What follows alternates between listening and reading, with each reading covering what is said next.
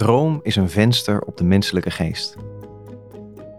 Freud zag dromen als een betekenisvolle boodschap van jezelf aan jezelf. En hij noemde dromen daarom ook wel de koninklijke weg naar het onbewuste. Je luistert naar het derde oor, de podcast van Leschius. Mijn naam is Wouter Streur, ik ben klinisch psycholoog en psychotherapeut. Mijn naam is Arthur Eaton, schrijver en psycholoog. En in deze podcast buigen we ons samen over de droom van een luisteraar. We vragen de luisteraar om zijn associaties bij zijn droom. Wat roept het bij je op? En we geven ook onze eigen associaties mee. We doen dat zo vrij mogelijk. Zo komen we hopelijk tot nieuwe inzichten over de droom en de dromer. Samen ontsluieren we de verborgen betekenissen en zoeken naar de mysterieuze kern van de droom. Luister je mee? Dit is een droom van een jongeman van 28 jaar. Ik sta op het dak van een hoog gebouw, een wolkenkrabber met veel ramen. Het is een donker gebouw, er is een beetje geelachtig licht achter de ramen. Het is donker.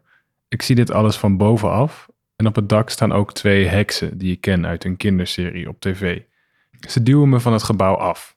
Ik val naar beneden, draaiend, richting de open mond van een gigantisch cookie-monster uit Sesamstraat. Net voordat ik in de mond terecht kom, word ik wakker. Arthur, heb jij vragen over de droom? Is het Cookie Monster groot?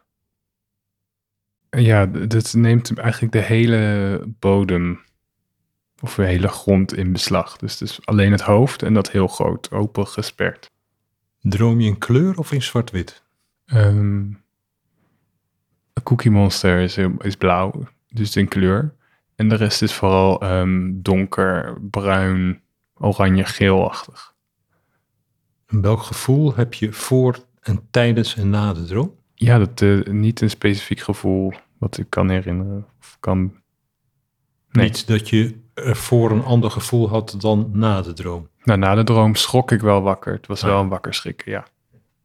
Mm -hmm. En een beetje, dat was een beetje angstig. Of, ja. En kun je iets vertellen over de ruimtelijke verhoudingen? Want je staat op een groot gebouw. Is, dat, is daar heel veel afstand? Is het een hele grote diepte waar je... Ja, het is echt een soort wolkenkrabber waarop. En uh, ik kijk altijd van bovenaf ernaar, een beetje zo schuin van boven. Zoals je wel die New Yorkse wolkenkrabbers soms van boven zo ziet. En dan staan er dan zo mm -hmm. twee heksjes en ik... Dat is één perspectief. En dan het perspectief dat ik val, dan val ik eigenlijk mee met mezelf. Oké. Okay. En welke leeftijd heb je in de droom?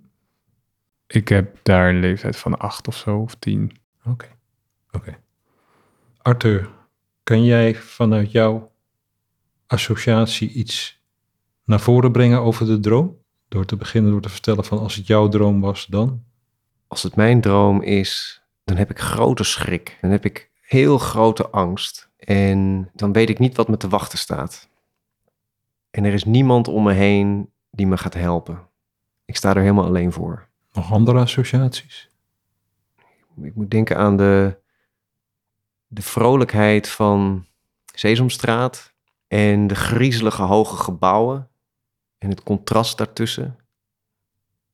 En grote grijze gebouwen en dan Cookie Monster die tegelijk bekend is, geruststellend is, maar me ook gaat opslokken. En ik ben er tegelijkertijd ook heel bang voor. Ik moet denken aan dat rondtollen en de wind. Ik vraag me af of er een harde wind staat of dat ik gewoon door de ijle lucht val. Dat zijn mijn gedachten. -hmm. Als het mijn droom was, dan eerste wat me te binnen schiet, dat ik blij ben dat ik uit de droom kom op het moment dat ik naar beneden val. Dat ik dat laatste stuk niet hoef mee te maken. En als het mijn droom was, dan had ik ook een gevoel dat ik kon zweven, dat ik kon vliegen, dat ik de ruimte in kon, waar ik dan op een gegeven moment wat ik niet volhoud, waar ik dan wel naar beneden zak, maar uiteindelijk toch niet in die enge ruimte verdwijnt. Ik, ik blijf bestaan. En als het mijn droom was, dan dacht ik van, wat doe ik daar eigenlijk boven? Op die flat? Hoe kom ik op die flat? Wat heeft mij ertoe bewogen om daar te gaan staan en daar naar beneden te gaan kijken? Wat wil ik hier? Wat wil ik hiermee bereiken? De vraag aan jou is nu, degene die de droom ingebracht heeft, om na te denken, te associëren over wat Arthur en ik je verteld hebben. Welke gedachten dit bij jou teweeg brengt. Een goede vraag. Ehm, ik denk als eerste aan het, dat, wat Arthur zei van niemand kan je helpen. Dus dat, dat, dat je alleen aan het vallen bent. Ehm, en ook wel de gedachte van blij zijn dat je niet de val hoeft mee te maken. Dus het gaat ook om associaties die ik heb, dus Mhm. daar weer mee. Ja, Nou, de associ- associaties is wel dat het een soort symbool zou kunnen staan, of in ieder geval voor de angst dat er iets misgaat en het denken dat het misgaat. Maar het moment dat het echt misgaat, dat dat er niet echt is. Dat dat er Mhm. niet echt komt. Een soort anticiperende angst of zo, zoals jullie het vertellen, daar doet het me nu aan denken. Dus van het, alle- alles is aan het misgaan, ik ben al aan het vallen. Maar de echte val, die maak ik niet mee. Eh, Mhm. Dat blijft me be- bespaard. Ja, en verder eh, ken ik veel beelden uit televisie erin. Dus het- dat vallen, dat, dat, doet me, dat doet me denken aan hoe in de droomshow, zo'n kinderprogramma, mensen vielen. Als ze ergens vanaf vielen, dan gingen ze zo ronddraaiend, ik met mijn vingers zo rondjes in de lucht, dat ze zo ronddraaiend naar beneden vielen. Zo viel ik in die droom ook naar een figuur toe van televisie, door, geduwd door twee heksen van televisie. Ja, het gaat veel over wat ik zag op televisie en dat komt in je droom dan naar binnen. Ja, dat zijn mijn associaties nu. Mhm. Oké. Vraag ik nu aan Arthur om de droom voor te lezen, zodat de dromer daarna kan luisteren wat, en kijken of hij daar weer andere associaties bij heeft. Ik sta op het dak van een hoog gebouw, een wolkenkrabber met veel ramen. Het is een donker gebouw. Er is een beetje geelachtig licht achter de ramen. Het is donker. Ik zie dit alles van bovenaf. Op het dak staan ook twee heksen die ik ken uit een kinderserie op tv. Ze duwen me van het gebouw af. Ik val draaiend naar beneden de richting, de open mond van een gigantisch koekiemonster. Net voordat ik in de mond terechtkom, word ik wakker. Als je hem nu weer terug hoort, heb je dan andere gedachten, andere associaties? Ik zie wel iets in die droom wat ik er eerst niet in zag. En dat is die soort die anticiperende angst. Of overtuigd zijn van dat het gaat totaal mis, maar het echte misgaan niet, niet zien. En dat, had ik er, dat zag ik er eerst niet echt in terug. Ik vroeg me ook af, als je er zo over aan het vertellen bent, is het dan iets wat je zelf meemaakt? Omdat je het zo hebt over Hmm. hè, wat je gezien hebt in, in Ja. filmpjes, et cetera? Of is het een beeld waarop je jezelf, waarin je jezelf geplaatst hebt? Oftewel, is het een droom van jou of is het een fantasie die je daar... Ja, allereerst is het een, een droom al wel van een tijd geleden ook. Ja, dus ik, ja, de onthulling. Ehm, ik, het is een combinatie van allebei, denk ik. Want ik zie het, dat die scène met die heks op de bovenkant van het gebouw. Heb het gevoel dat ik daar een, eh, een, eh, een toeschouwer van ben. Maar ik schrik wel wakker omdat ik aan het vallen ben. Dus het Ja. vallen eh, doe ik blijkbaar wel echt zelf.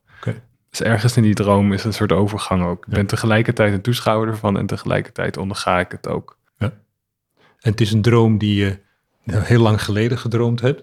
Zegt die nog iets over je huidige situatie, over je huidige leven? Ja, die associatie die ik dus er net in de- zag van die anticiperende angst. Ik denk dat dat meer zegt over nu. Misschien ook wel over vroeger. Ehm, maar dat het me dat nu zo... ehm, ja, dat dat nu zo aanspreekt. Dat zegt meer misschien over nu, waar ik nu mee bezig ben... dan waar ik toen mee bezig was.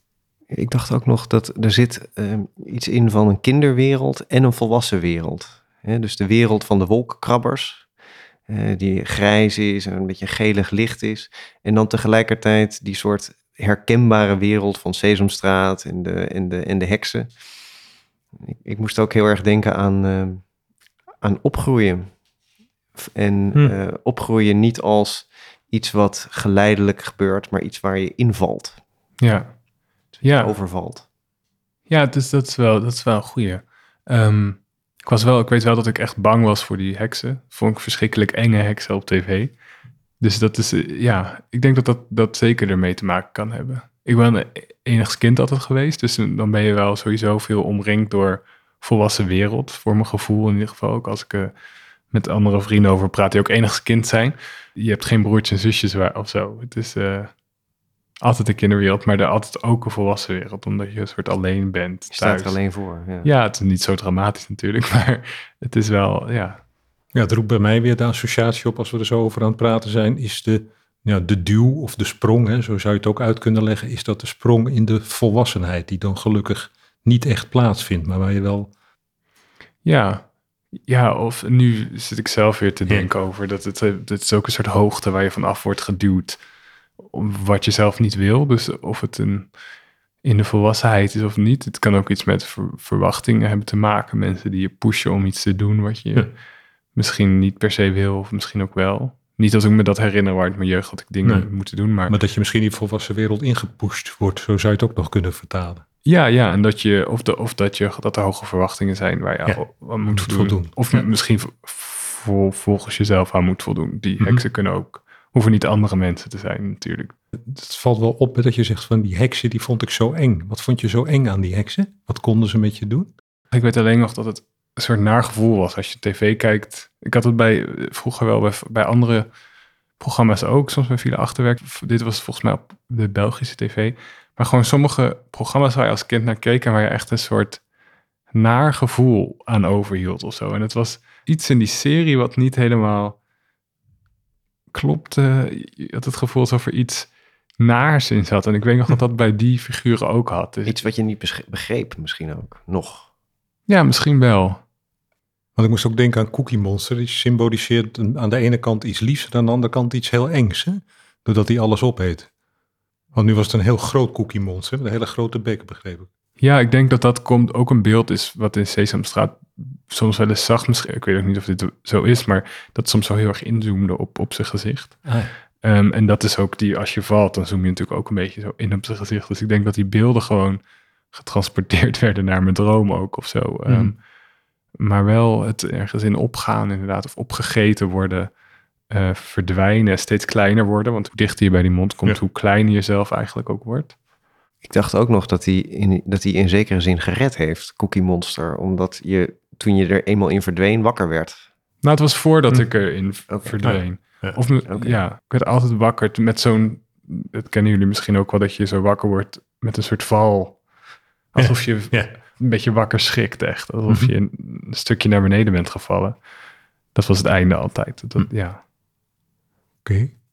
Heb jij nog gedachten hierover, naar aanleiding wat de droom Nou, ik, nou ja, alleen dus dat laatste over ehm, dat ehm, mijn associatie bij Cookie Monster is dat het een geruststellender figuur is dan de heksen. En tegelijkertijd ook dus heel monsterlijk groot en, en opslokkend is. Ja.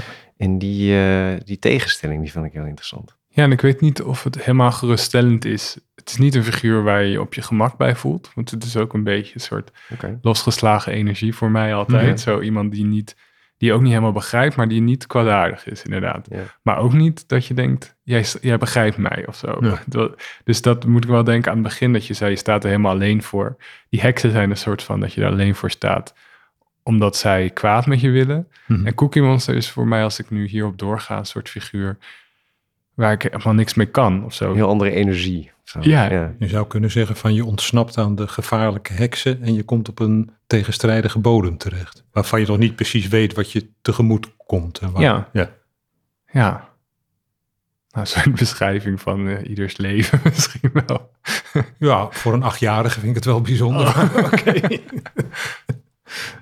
Dankjewel voor de droom. Ja, Jullie Zeker. bedankt voor jullie associaties. ja. Dit was de podcast van Neskius over dromen. We hopen dat je nieuwsgierig bent geworden naar je eigen dromen en naar Neskius. We organiseren regelmatig bijeenkomsten over thema's rondom de psychoanalyse met bijzondere sprekers. Kijk vooral eens op onze website neskius.nl. Hopelijk tot snel.